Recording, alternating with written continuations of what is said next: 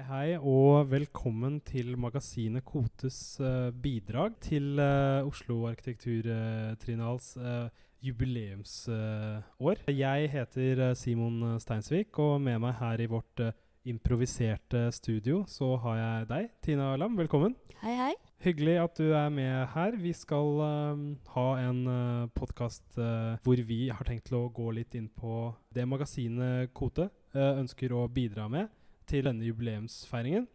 Vi kommer uh, til å dra innom det Kota har bidratt med tidligere uh, for uh, triennalen, for vi har vært delaktige før, og det har vært veldig givende for oss. Vi har også tenkt til å være litt utegående reportere, eller hva? Du har jo vært uh, ute i, i, felten, Tina, og uh, intervjuet noen. Vil du fortelle litt kort om det sånn uh, introduksjonsvis? Ja, det kan jeg. Jeg, jeg syns jo det er veldig Det er jo veldig imponerende at Trianalen har klart seg i 20 år, så gratulerer med det. I de siste årene så har man jo prøvd å, å involvere folk utenfor bransjen. Uh, og det syns jeg er veldig viktig, for alle har jo et forhold til det fysiske rundt oss. Jeg intervjuet uh, to stykker som ikke er uh, med i, i, bransjen. De er ikke arkitekter eller planleggere eller noe, som, noe med det. det er helt vanlige mennesker som, som farer rundt i byen, som forholder seg til byen, ikke minst. Ja, det er jo veldig, veldig kult. mye av det du sier, er jo uh, viktig for oss eh, i Kote uh, på generell basis. Vi ønsker å kommunisere planlegging på en måte som gjør at flere kan delta i de debattene som foregår. Stemmer ikke det ganske godt? Jo, det er, det er viktig å, å, gjøre det tilgjengelig, uh, syns jeg. Kote er jo ja, studentdrevet, men det er på ingen måte en studentmagasin. Uh, vi prøver bare å tilgjengeliggjøre uh, faget uh, på en, uh, ja, en litt uh, annerledes måte. da, Kanskje mer fordøyelig. Ja, det er veldig spennende at vi nå sitter og gjør en podkast. Det har jo blitt veldig populært, og det er jo noe vi har drevet med før. men som vi jobber med nå å få i gang igjen. da, For det er jo et Uh, et medium, kan man si det, uh, som, er, uh, som er, veldig, veldig enkelt for folk og, og tilgjengelig. Uh, vi er jo blitt veldig digitale, så det, det er jo spennende. Uh, så vi ser åssen det går.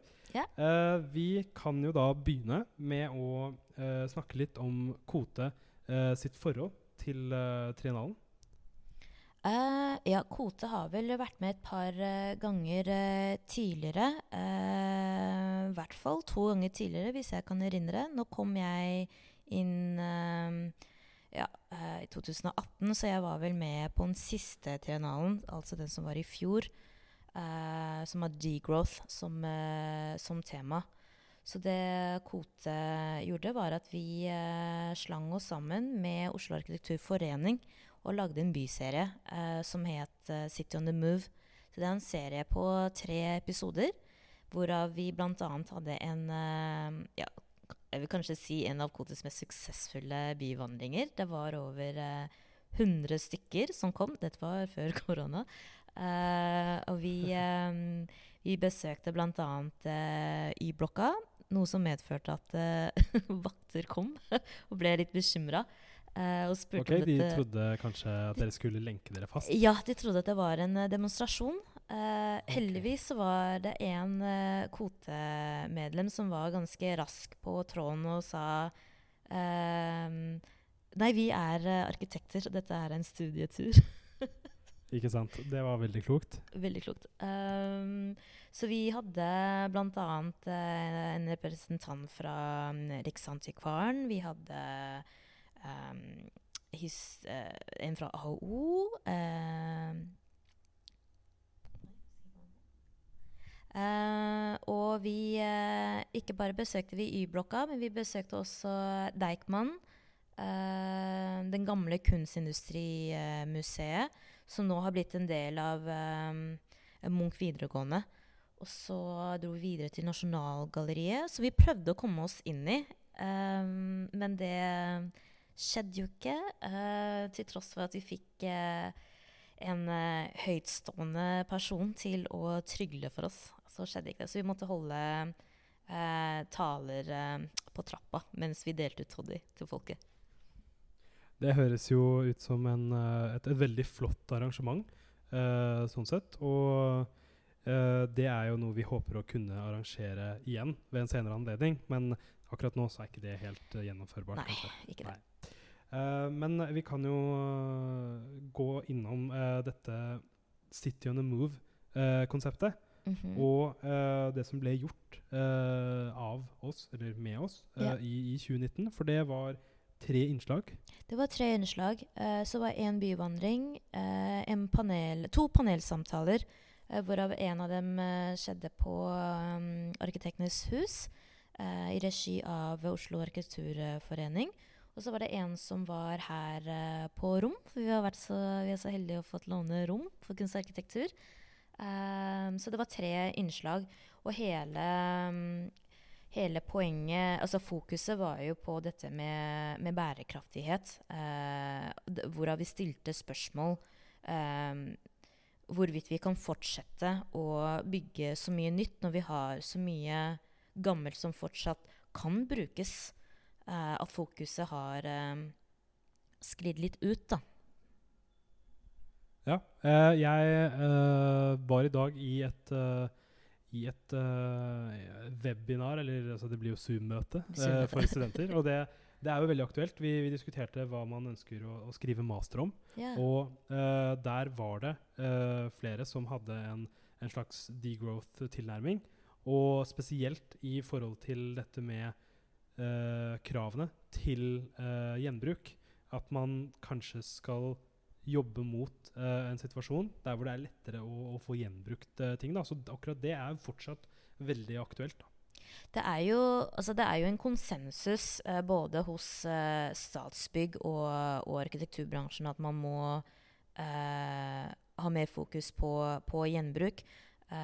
Spørsmålet er jo hvorfor det Altså hvorfor tar opp dette nå. Altså det blir, det blir litt for sent, da, syns jeg. Jeg synes at vi skulle hatt Altså denne debatten skulle vært uh, gjort for ti år siden.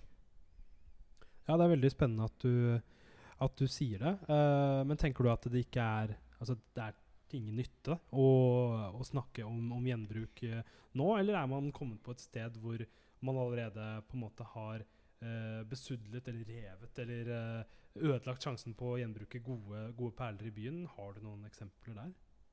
Nei, altså Jeg vil jo ikke si at ting er for sent. Eh, nå er jo riktignok Y-blokka blitt eh, revet. Eh, men eh, Men jeg tenker at vi, de, de byggene vi har igjen nå, kanskje vi eh, kanskje skal prøve på nytt igjen. og få brukt dem. Uh, Istedenfor å la dem stå tomme ja, ti år uten at noe skjer, som Samtidskunstmuseet. Eh, hva, hva, hva skal skje med den, f.eks.? Ja, det er, øh, det er jo veldig spennende at du sier dette med at de står tomme. At det ikke skjer noe der. For det har jo en dobbel kostnad. Uh, verken blir det noe nytt, eller kommer til nytte som, som det det er. Mm. Og det, det er jo uh, veldig aktuelt. Uh, og det skal, tror jeg vi skal komme tilbake når vi skal snakke om, eh, om tomrom. Eh, er det noe mer du ønsker å, å, å nevne i forhold til dette med uh, bidragene til uh, 2019s uh, City on, move, on the Move? Eh, jeg tenker at det er um, Jeg må jo bare si at det er veldig refreshing at uh, Triennalen vil ta med, vil ta med kvote. Eh, det var um, Altså, det var en berikelse for Kvote å skulle kunne få lov til å samarbeide med, med OAF eh, og Triennalen. Det har vært tett samarbeid. eh, godt samarbeid, vil jeg si. Um, Altså Å tilføye Sit on the Move eh, altså Nå er vi her et år senere, og vi snakker fortsatt om eh, de temaene. Eh, så jeg tenker at eh, det, var, det er nok et tema som, eh, som vi stadig vekk vil, eh, vil vende tilbake til. Eh, altså Mye på grunn av eh, Oslo, da, altså byen vi bor i, som er eh, Hva skal man si? liden litt av en sånn uh, identitetsproblem. Bergen f.eks. er jo en by som, som er et uh, godt eksempel på uh, et sted som har klart å, å, å, ta vare på gammel arkitektur i møte med, med, med, ny tid. Hvorav Oslo sliter litt med det for en eller annen grunn. det er vanskelig. Det det er, så mye man kunne ha sagt om det, da, så jeg tror ikke at det temaet blir ferdig med denne episoden. Eller dette jubileet. Nei, ikke sant. Det er uh, absolutt noe vi kan uh, plukke opp uh, senere. Men jeg ønsker å stille ett spørsmål til det du sa nå. Fordi mm -hmm. dette her med identitet og, og, by Det er også flere som, som, er interessert i å skrive master om dette med branding i, i bysammenheng. Ja. det er jo veldig aktuelt som en konkurransefaktor mm -hmm. i, mhm. i, i dette rommet med eh, Oslo og de andre storbyene selvfølgelig i Norge, men også i utlandet, mot København ja. og eh, Stockholm og Göteborg og, og sånt. Mm -hmm. tror du eh, mange avgjørelser som blir eh, fattet, handler om å gjøre noe i retning den konkurransen? Eller tror du at det er veldig viktig for Oslo å ha en opera ved vannet, slik som i København, helt tilfeldig?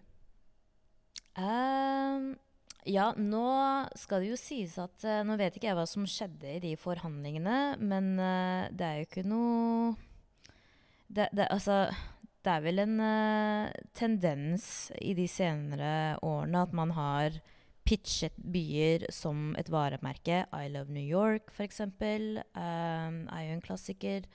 Uh, hvor Oslo er på ja, Altså hvor Oslo er i dette landskapet, det, det, skal noen andre få lov til å uttale seg om. Uh, men man kan jo bare ta flyttingen av Munch som, uh, som et eksempel. Um, de første utredningene ga jo klar beskjed om at at en flytting til Bjørvika ikke var uh, nødvendig. Tvert imot. Uh, det beste, mest økonomiske, både for Munch og kommunen, ville ha vært å, å bli på Tøyen og heller uh, bygd et, et, nytt tilbygg, f.eks. Det kunne vært et Onfield-prosjekt. men nei, vi ville ha et nytt signalbygg ved vannet. og det um, jeg, jeg, tror jeg skal være forsiktig med å si at dette her er en decision eller flere i dette tilfellet, eh, som har blitt gjort eh, fordi noen vil, eh, vil, eh, vil ha ja, la oss si politisk arv da, eh, etter seg. Hallo, en viss kulturminister. um, men, uh, men det står jo de fysiske byggene der ved vannet. Det er alt jeg skal si. ok, da, men det er helt, uh, helt greit. Uh, jeg tenker at vi kan gå videre til å se på Kotes neste paper issue, som vi mm -hmm. liker å, å, kalle det. Eh, papirmagasin, for de som eh, liker det på, på norsk også. Eh, vi har jo uh, issue nummer 13, som heter Tomrom. hva har du lyst til å si om det sånn helt kort for å oppsummere? Hvis du kan si det med én setning, hva handler dette issue om? Det er vel For min del så er det en fortsettelse av eh, City on the Move. Uh, jeg tar opp tråden med forlatte Oslo-bygg. Uh, vi skal besøke gamle Munch-museet og Botsen fengsel. Det er vel for å fortsette samtalen og diskursen om at Oslo og staten sitter på en rekke rekke nydelige historiske bygg eh, som har stått tomme i lang tid. Eh, I bydeler som trenger eh, en boost, som trenger positiv oppmerksomhet. Eh, steder å være.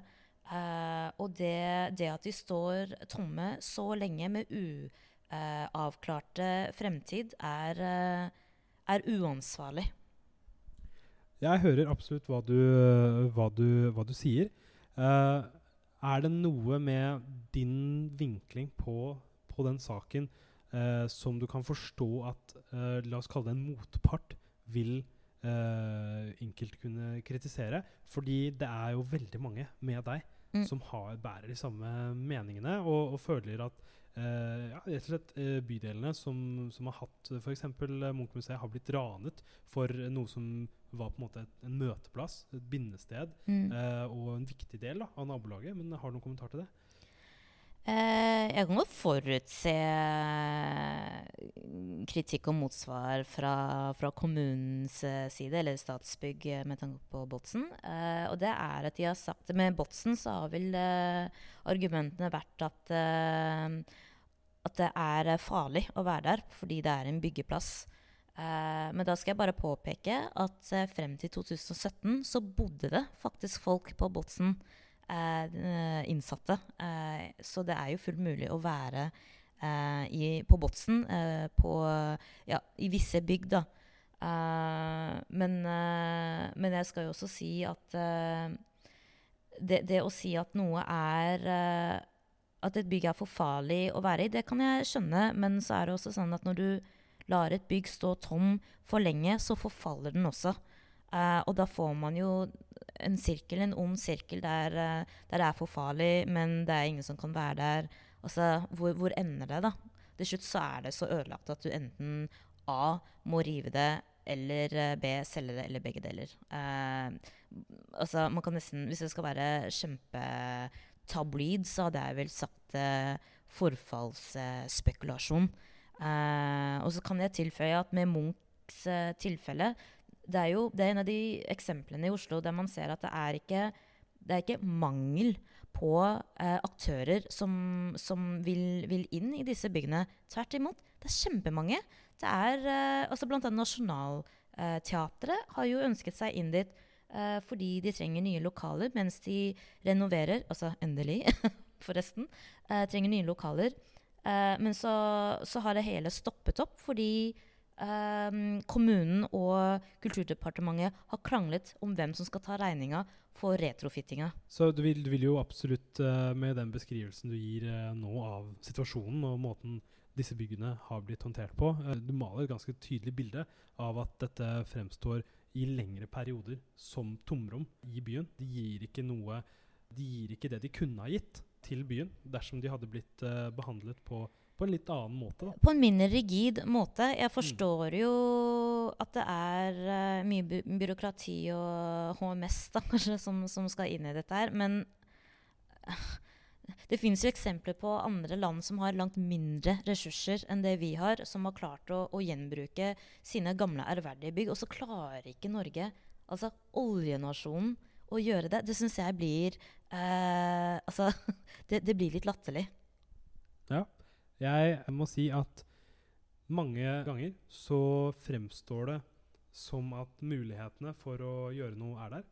Men at det er Vi har jo veldig høy standard på regelverk knytta til HMS og eh, tekniske forskrifter og, og, lignende. Og det er både i disse situasjonene hvor ting skal gjenbrukes og, altså, som en helhet, men også når det kommer til materialer slik som vinduer og lignende, at de blir hindret av at ja. vi faktisk har veldig høy standard. Mm. Så kunne det vært en idé å eh, lempe på disse eh, kravene? Er det eh, Kunne det vært en idé, eller vil det føre oss eh, nedover en eh, sort sti av yeah. dispensasjoner, hvor vi sitter igjen med skumle bygg i uh, gamle, skumle bygg. Ja, det er, uh, det er, en slippery slope. Man har, I London så har man bl.a. Uh, prøvd på det. At man har slacka litt da, på disse forskriftene og sånn.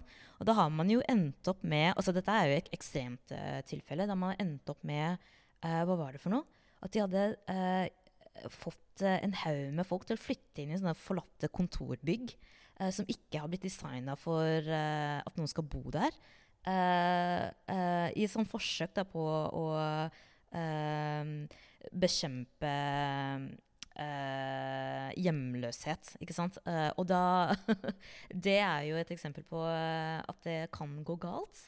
hvis du lemper det ned på Hvis du er litt mer slack da, med reguleringer og sånn. Men jeg tror definitivt at at det er en middle way.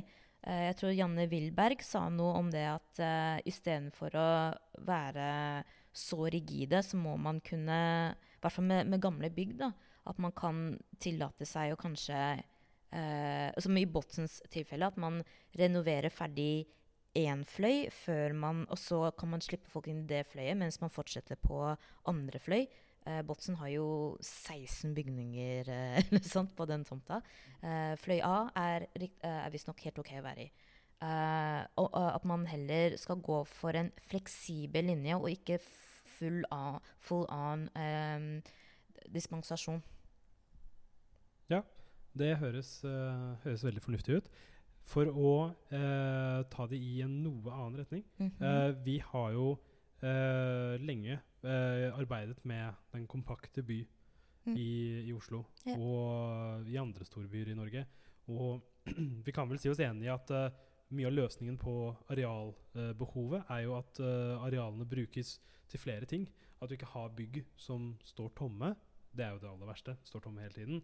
Eh, men at du også heller ikke har bygg som kun fungerer på, på dagtid.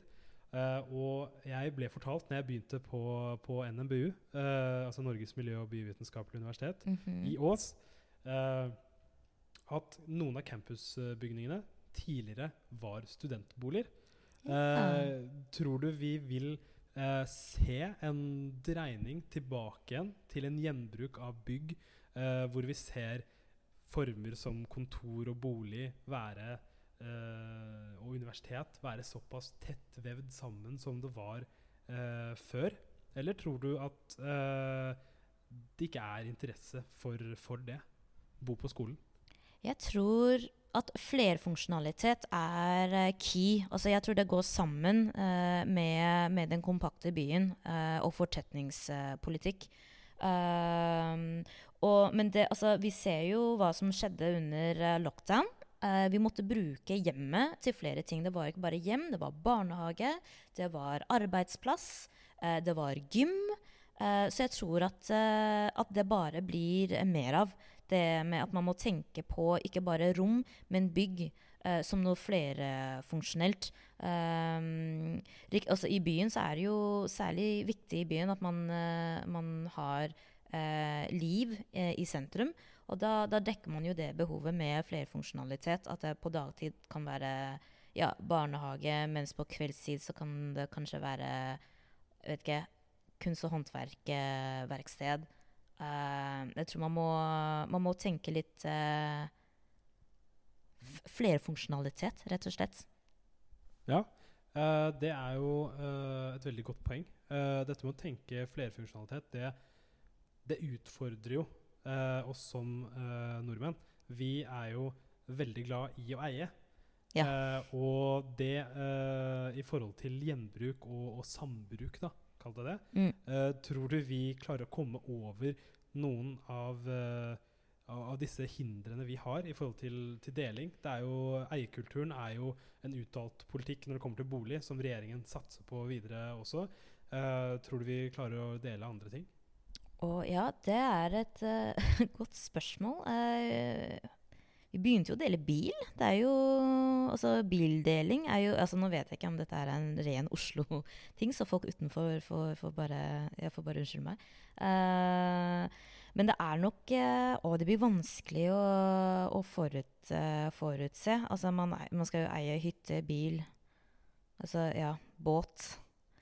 Men jeg tror det kommer til et punkt der man eh, vi, Jeg tror vi fortsatt er i et sted i historien der man er litt komfortable med, med å eie. Der å eie er Altså, it goes without saying. Uh, det er noe man, man blir forventa til, til å gjøre.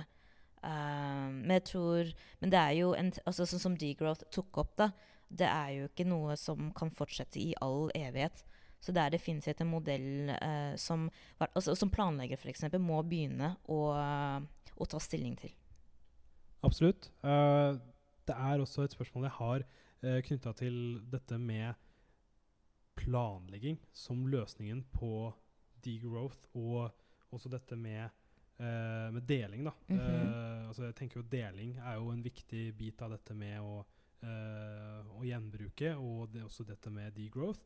Eh, nå, eh, nå tror jeg jo at eh, det er veldig, veldig mange som ønsker Eh, og dette fins det undersøkelser på. Folk ønsker å bidra ved, gjennom å ta gode valg for bl.a. klima.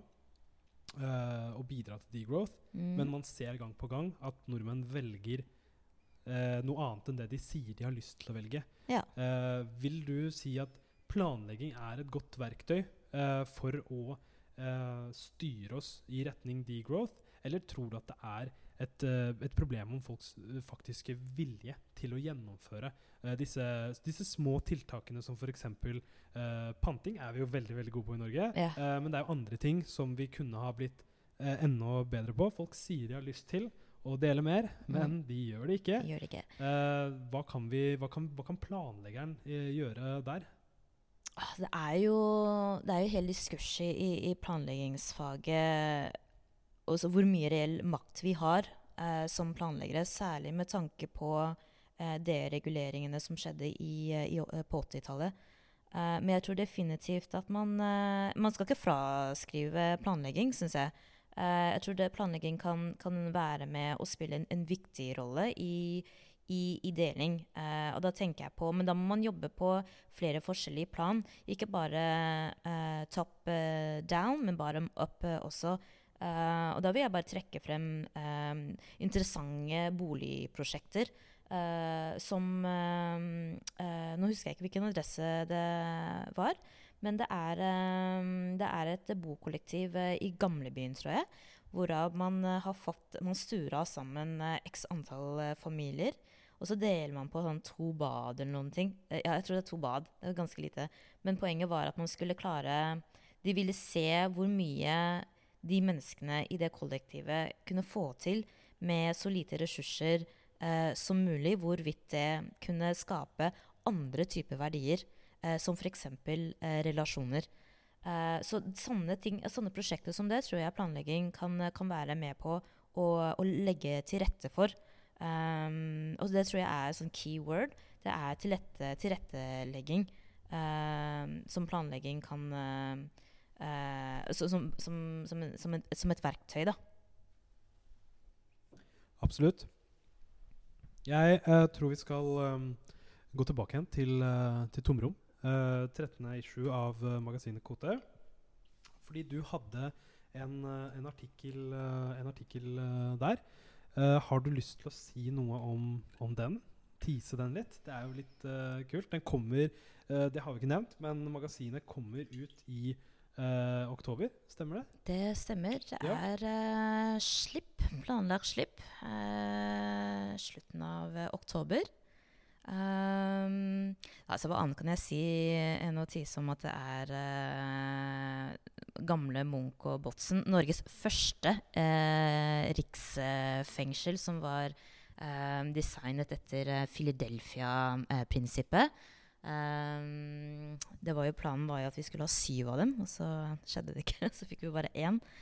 Um, men det går jo tilbake til liksom det, det temaet vi hadde i Sit on the Move. Det er det med, med kulturarven vår. Um, Botsen representerer jo ikke bare Oslo-historie, men nasjonal historie. Og det vi prøvde å få frem, var at uh, altså, som, et, som en nasjon som er ganske ung, uh, så har vi ikke Altså det, det, det vi har av, av, av kultur og arkitektur, eh, bør vi eh, ta vare på via bruk. Eh, ellers så glemmer vi hvem vi er. Eh, og det, mm, det, kan, det kan ha konsekvenser. Eh, og det er viktig å vite at vi ikke alltid hadde, hadde oljen. Vi fikk gjort utrolig mye med veldig lite før i tida. Um, altså Nasjonalgalleriet um, overlevde jo okkupasjonen, eh, ikke sant? Eh, Deichman også. Eh, og, og det med å bare sette de byggene som en parentes i, eh, i flyttingen, flyttinga til, til vannhistoriene, blir, det blir for dumt, altså. Hvorfor kan vi ikke være med som Danmark?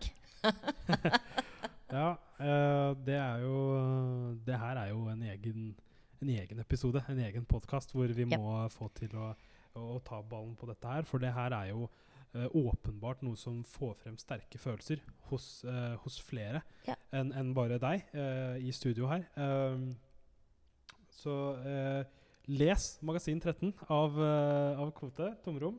Det, det ser jeg veldig, veldig frem til. Det ser vi frem til. Eh, videre uh, så tenkte jeg at uh, vi skal innom disse reportasjene. Fordi du har nemlig vært utegående reporter, om man kan kalle det det. Ja. Premiere på det. ja, premiere på det. Veldig kult. Her og nå. Vi har vært i kontakt, eller du har jo vært i kontakt med, med to personer. Vil du si noe sånn introduksjonsvis før vi, før vi hører på dem? Eh, ja, som jeg sa innledningsvis, så er det to personer som eh, ikke er eh, i bransjen, altså arkitektur eller urbanisme. Men de, de er Oslo-borgere. De lever og jobber og ferdes i byen. Um, og det her forsterker jo det med at vi vil jo at alle skal være altså bevisst over sine fysiske omgivelser, og, og at uh, man, uh, man så bryr seg om byen man, man bor i. Uh, derav ja, outrage, da. Ja, det er, det er jo klart Dette her er jo viktig for oss som sådan. Å involvere mennesker eh, som mennesker i byen. Mm. Ikke nødvendigvis som bransjeaktører Ja. eh, eller, eh, eller kollegaer eller lignende. Mm. Eh, det, er, eh, det er et veldig viktig mål med, med, med kvote. Ja, vi planlegger for folk. Planlegger for folk, nettopp. Mm. Eh, vi, jeg tenker at vi, vi hører på det, og så, Uh, så tar vi og snakker litt rundt det. Fordi jeg har nemlig hørt på dette her på forhånd, og det er et par morsomme poenger jeg tenker vi kan, vi kan plukke opp igjen. Okay. Hei, Julie. Hei. Kan starte litt med å snakke litt om hvordan du eh, forholder deg til pandemitiltakene i byen. Eh, Nokså holdt på å si semislavisk. Jeg sykler jo. Så sånn sett så på en måte gjør jeg mye av det man er pålagt til å gjøre nå. Så jeg, jeg sykler, jeg har på en måte Holder avstand, selvfølgelig. Og, og ikke så mye ute. Det frister liksom ikke å gå ut med en hel haug med mennesker nå. Nei. Så Hold deg inne, da, med andre ord. gjør det. ass. Følge rådene, rett og slett. Mm. Gjør det man blir fortalt. Det er riktig. Men uh, la oss si at du er uh, At du får være med i byrådet, og så får du lov til å bestemme tre ting eh, om, eh, om byen. Hva hadde de tre tingene vært? Det er Det ene ville vært eh, Jeg vet ikke om man kan pålegge byrådet å gjøre det, men eh, jeg ville nok eh, subsidiert eh, det å bygge Eller gjenbruk av bygg. Eh, det hadde jeg veldig lyst til å Det ville jeg nok satsa på. Eh, og ikke bygd så mye nytt. Eh, gjenbruk av materialer, f.eks. Mm. Eh, men også spesielt når det gjelder, som for min del, da, kunst- og kultursektoren. Ja. Eh, og inkludere de på alle måter. Fra liksom institusjonsnivå helt ned til spesielt kunstnernivå. Da, kunstnerboliger, atelierer.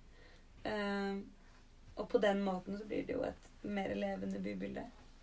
Um, og også uh, og også Ullevål sykehus. Jeg vil ikke Jeg vil ikke Jeg skjønner ikke at det at man skal bygge et nytt, stort sykehus, hvorfor det må kansellere et allerede eksisterende sykehus. Mm. Um, og også kanskje snudd litt om på selve byråkratiet. Ja, det er interessant. Si, si litt mer om det. Nei, jeg, jeg bare føler at generelt sett, og dette gjelder eh, ikke bare på kommunalt nivå, men, men også liksom nasjonalt regjeringsnivå, at eh, eh, det virker som om veldig mange avgjørelser som blir tatt, går på eh, Det er veldig mye prestisje, det er veldig mye politisk spill, det er veldig mye sånn ovenifra og ned istedenfor å virkelig eh, gjøre hjemmeleksa si, da. Mm. Og snakke med de som de faktisk skal gjøre tiltakene for. Eh, og høre deres behov, for det er utrolig breddspennende mennesker som f.eks. sitter i andre kommuner, som kunne hatt et par meninger om kommunesammenslåingen, f.eks. Og sånne ting, da. Eh, sier du da at det går litt prestisje i og så holdt jeg på å si, å få prosjekter oppkalt etter seg. øh, For å sikre på en måte sitt politiske arv. Absolutt. Ja, ja. 100% Og så føler jeg at det er mer fokus på å Så lenge man gjør noe, så er det på en måte viktigere enn å ikke gjøre noe. Mm. Men jeg tror at eh, det som ville vært minst like viktig, var å kunne stå i det og bare sånn Ja, nå utreda vi dette og tenkte at det kunne være en god idé, men vi dropper det. Ja, det har kosta litt penger, men da kan vi heller omdirigere alle disse mange millionene eller milliardene det ville koste å faktisk implementere det. Så omdirigerer vi de til noe som vi vet vil funke, basert på da denne utredningen. Mm. At man ikke nødvendigvis utreder for at dette skal vi gjøre. Vi må bare finne ut hvordan vi skal gjøre det. Mm. Men rett og slett om vi skal gjøre det. Og at det ikke er noen skam å snu, da. Ja, det er et godt poeng, for det, det er ikke så man ser.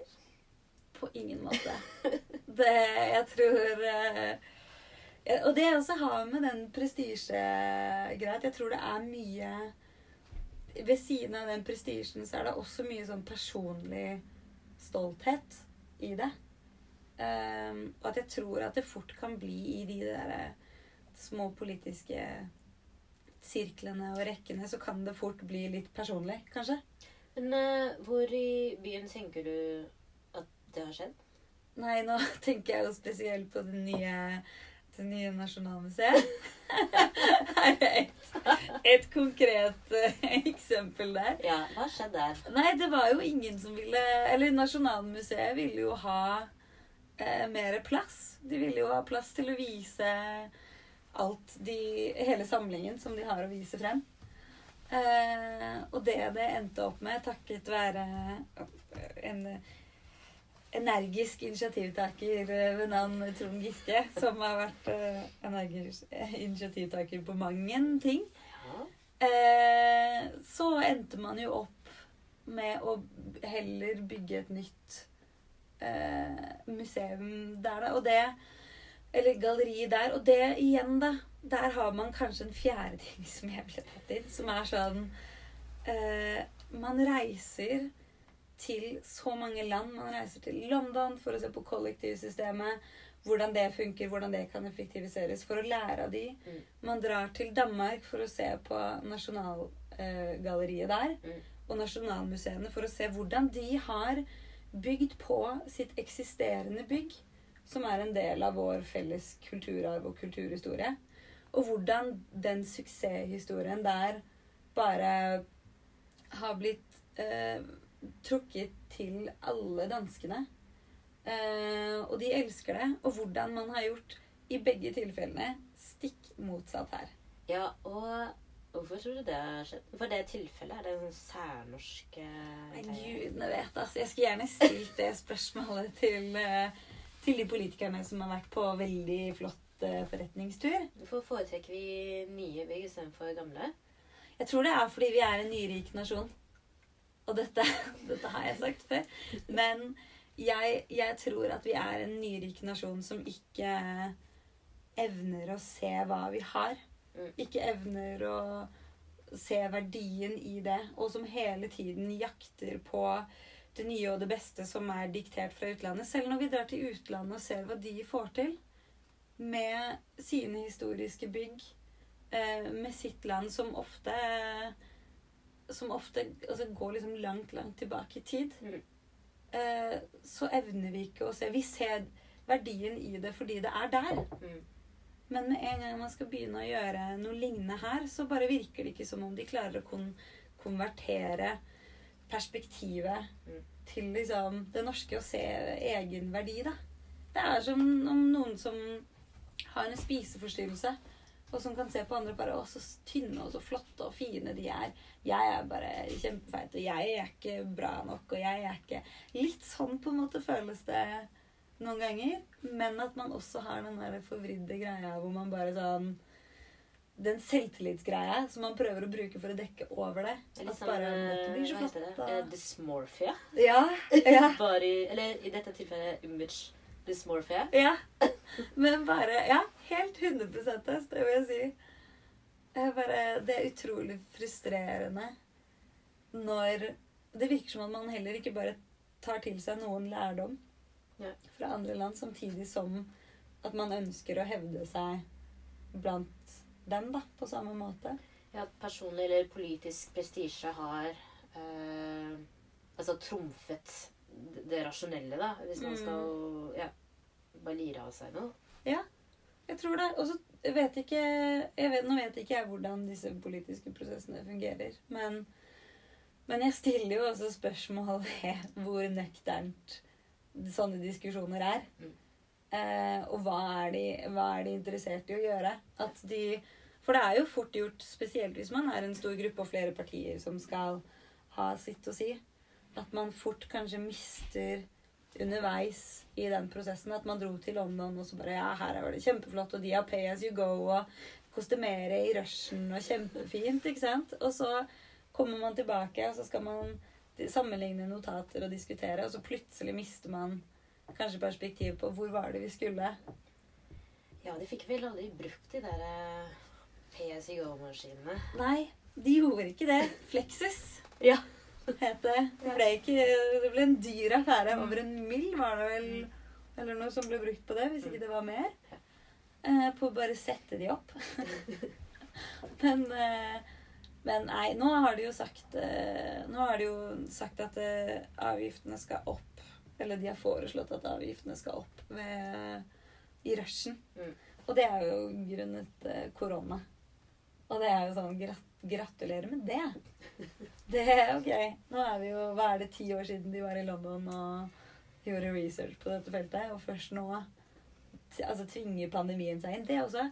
Det går for treigt, Det altså. går for treigt her. Det er for mye byråkrati. Det er for mye Det er for mange møter. Altfor mange møter på, til å finne ut av ting. Mm. Det går altfor treigt. Det kan man ikke oppsummere med det, egentlig. At, eh, at det går for treigt. Ja, det er min kommentar. Det går for Det treigt. går for treigt. Hei, Anna. Hallo! Du, hvordan eh, forholder du deg egentlig til eh, pandemitiltakene i byen? Jeg gjør nå det. Jeg får beskjed om det. Har på meg maske når jeg er på butikken. Unngår kollektivtransport så mye som mulig. Det er jo mye enklere nå som det er busstreik, kan man si. Det har du rett i. Eh, Og hvis jeg må ta kollektivtransport, så prøver jeg å holde meg så langt unna folk jeg kan. Og hvis jeg ser at det er mye folk, så venter jeg på neste. Eller så tar jeg på maske, da.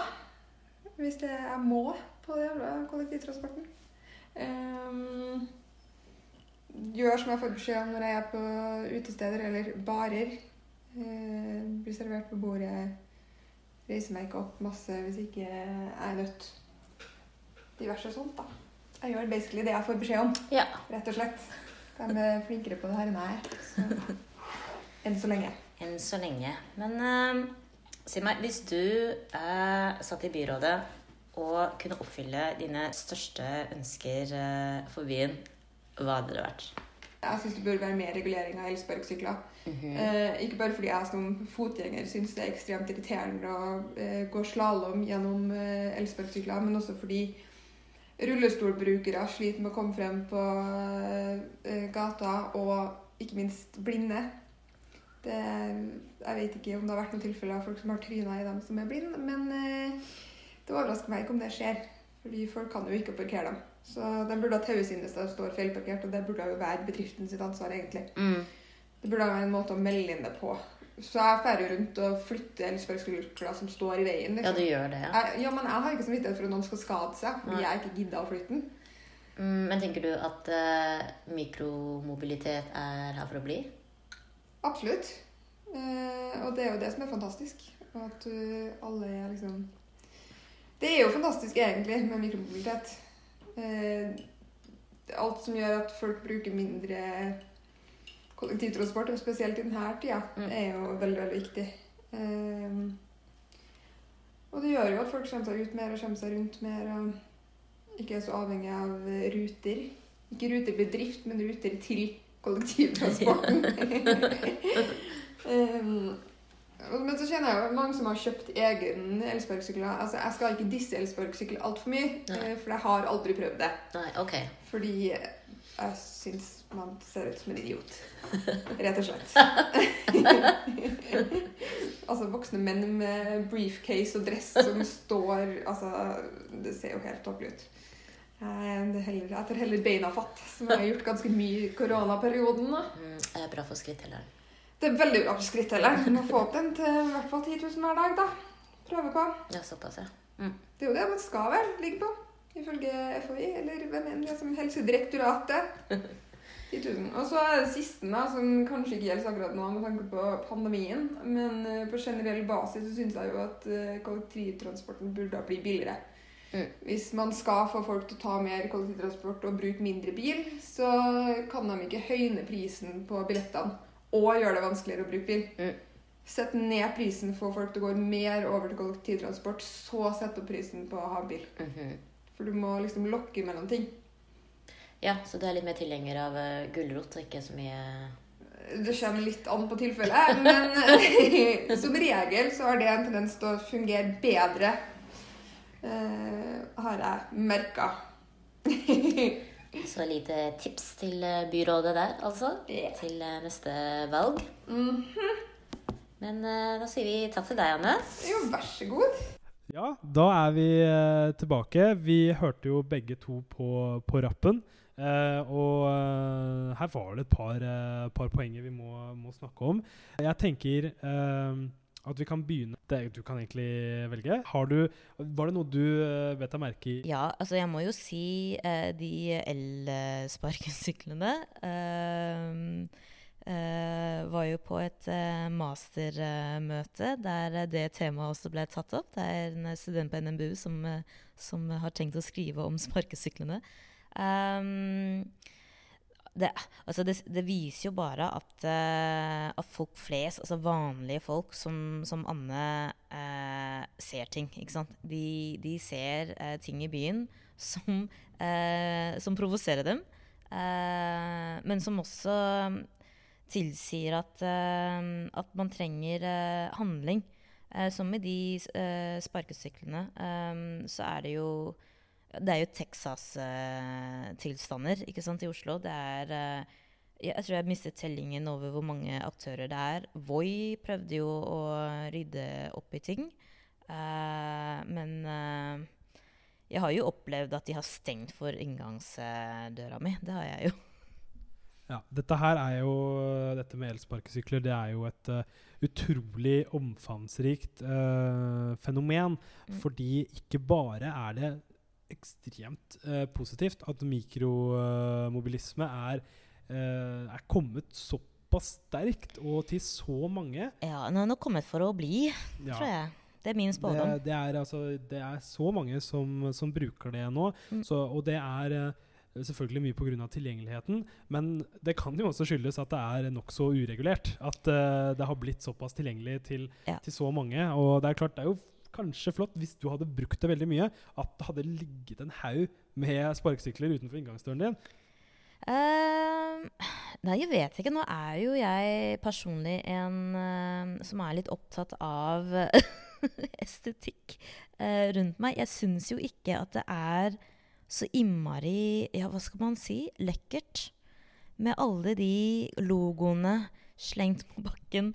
Nå høres jeg ut som at jeg er 75 år gammel. Eh, men, eh, men det hadde ikke Det er noe annet når det er en, en sykkel eller to som står lent mot en vegg. Men det er sånn ti sparkesykler. Ja, det er klart. Uh, det er en utfordring. Det er en utfordring, ja. Eh, og jeg, men jeg, altså jeg er sikker på at vi kommer til et punkt hvor uh, dette blir regulert på en måte hvor det er det er ikke legitimt å bare kaste de på, på bakken. Det er det jo for så vidt ikke nå heller, men det skjer. Det skjer. Det, er jo, uh, det, det florerer jo av videoer på, på Instagram om hva folk gjør med disse syklene. De er jo Mhm. på en måte De er jo ikke sikret på noen som helst måte, så folk kaster jo i vannet, og, og folk går, og så velter de de, og så bare går de videre. Fordi de, de hater de. Men jeg syns jo også at eksemplene Altså det med sparkesyklene er uh, veldig sånn typisk for Oslo kommune. Nå føler jeg at jeg bæsjer på eh, Oslo kommune her, men, eh, men man skal være streng med byen man er glad i, syns jeg. Og da må jeg bare si at de er, det er nok et eksempel på at de er litt sakte på ting.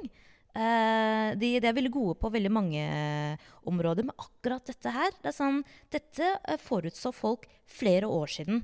da det allerede kom nyheter om at uh, Voi skulle, skulle ja, make an appearance, så var det allerede eh, eksperter eh, som forutså disse kommende problemene. Eh, men ingenting eh, ble gjort. Nå sitter ikke jeg i byrådet, så jeg, så jeg skal ikke si som, eh, eh, hvordan man håndterer ting. Men øh, det er jo andre byer som har klart seg. Igjen, andre byer har gjort det før. Ja, eh, og eh, det fikk meg faktisk til å tenke på det du sa nå. Eh, det fikk meg til å tenke tilbake igjen på dette med deling og, og degrowth og, og gjenbruk. I, degrowth eh, Jeg vet ikke om de sparkesyklene bidrar til, til det, men kanskje i form av at det er færre som eh, kjøper nye biler. Altså, det er jo en mindre form for mobilitet sånn rent fysisk. Eh, men dette med å dele slash å eie, Mm. fordi det er veldig mange eh, som eh, jeg vet, uh, men kjenner personlig, som kjøpt seg, de har kjøpt seg elsparkesykkel yeah. selv. Og, og de fremstår for meg som en helt annen gruppe enn de som eh, farter rundt på disse eh, altså disse, ja, disse voierne, ikke sant? Ja. Eh, som også har blitt et begrep nå. Det er et verb. Eh, Det er et verb. Ja. Eh, og eh, det oppfattes som en helt annen gruppe. Ja. Fordi da er det jo min eiendom, eller Mm. deres eiendom. Og de, tar, de behandler den annerledes. Det er ikke noe sånn snakk om å kaste elsparkesyklene har brukt flere tusen på, i Akerselva. Og du parkerer den heller ikke midt på gata, sånn at andre nærmest får en invitasjon om å gå den ned. Mm. Uh, men ja, det var bare en liten uh, digresjon uh, på det. Men det er jo et, et poeng da, som igjen viser ja, nordmenns holdninger til dette med å dele, og hva verdien på noe som er delt, er, kontra noe man eier. Egentlig så er det jo det er jo samme sparkesykkelen, det er bare det står Voi på den. Og så, ja. Ja. Nei, uh, sånn er det. Uh, men jeg tenker vi skal uh, gå videre i samme intervju, hvis det var noe mer der. Julie Julie, hun, jeg, hun andre intervjuet, eh, tok jo opp dette med kunstnerboliger. Eh, nå, nå skal det nok sies at man uh, er i uh, Og det er vel noen kunstmiljøer som, som jobber på, på, på et sånt kunstboligprosjekt nå. der det går ut på at man Det er liksom boligutbyggerlag-opplegg. Eh, men det er ikke noe det er ikke noe overraskelse at det, det er for dyrt å bo i Oslo i dag. I hvert fall for, for kunst, kunstnere. Man ser jo bare hva som har skjedd nå under, under lockdown. Det er eh, Man er avhengig av, eh, av å få støtte fra, fra staten, eh, og man vet ikke hvor lenge det varer. Men, men at eh, utleieprisene i Oslo er eh, så latterlig at eh, man, man, man kan ikke la det altså, go out of control. Eh, man risikerer jo at de flytter ut av byen og skaper liv et annet sted.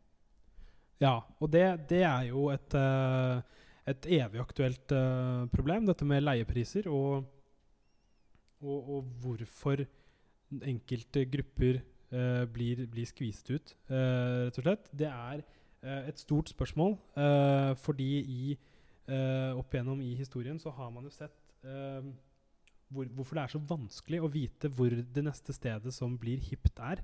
Eh, for det, det, er, eh, det, det går hele veien rundt. Og dette med å holde på det hippe, uh, f.eks. På, på Løkka, mm -hmm. uh, at ikke det blir uh, gentrifisert, da, om man kan si det. Eh, det, er, eh, det er et veldig stort eh, spørsmål eh, som jeg tenker vi kan komme tilbake til i eh, senere podkaster. Mhm. Det jeg uh, bet meg merke i eh, under disse intervjuene, var jo at de fikk jo muligheten til å eh, gjøre det de ville Ja. uh, i byrådet. Mhm. Og uh, det minner meg om uh, når jeg var yngre og fikk spørsmål om Altså, jeg hadde tre ønsker, da. Yeah. fra en ånd. Og så tok jeg selvfølgelig alltid og brukte det ene ønsket på å få evige ønsker.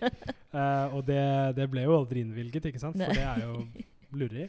Men det kom jo frem under intervjuene her at det var et ønske om å faktisk ikke gjøre noe, altså som et alternativ uh, i by, byrådet. Mhm. Tror du at veldig mye av det som gjøres, uh, gjennomføres på bakgrunn av en slags uh, tanke om at hvis man ikke gjennomfører noe, så har man ikke gjort noe riktig? Tror du vi gjennomfører for mye i stedet for å bruke, altså, bruke penger på å utrede ting. Og ja, Og at det er um, Hva skal man si? At det er uh, anses som litt shame å, å snu.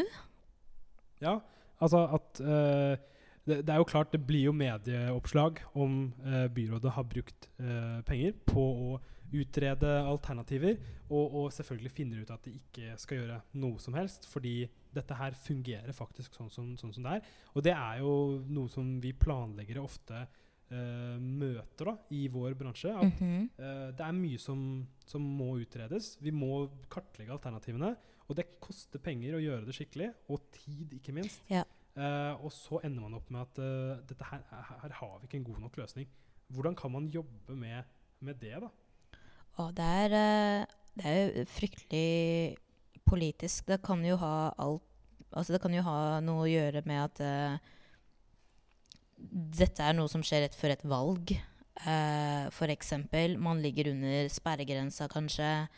Uh, man risikerer med å gå ut av uh, av makt uten noe å vise til. Altså det er så mange uh, momenter eh, som, som er i dette her.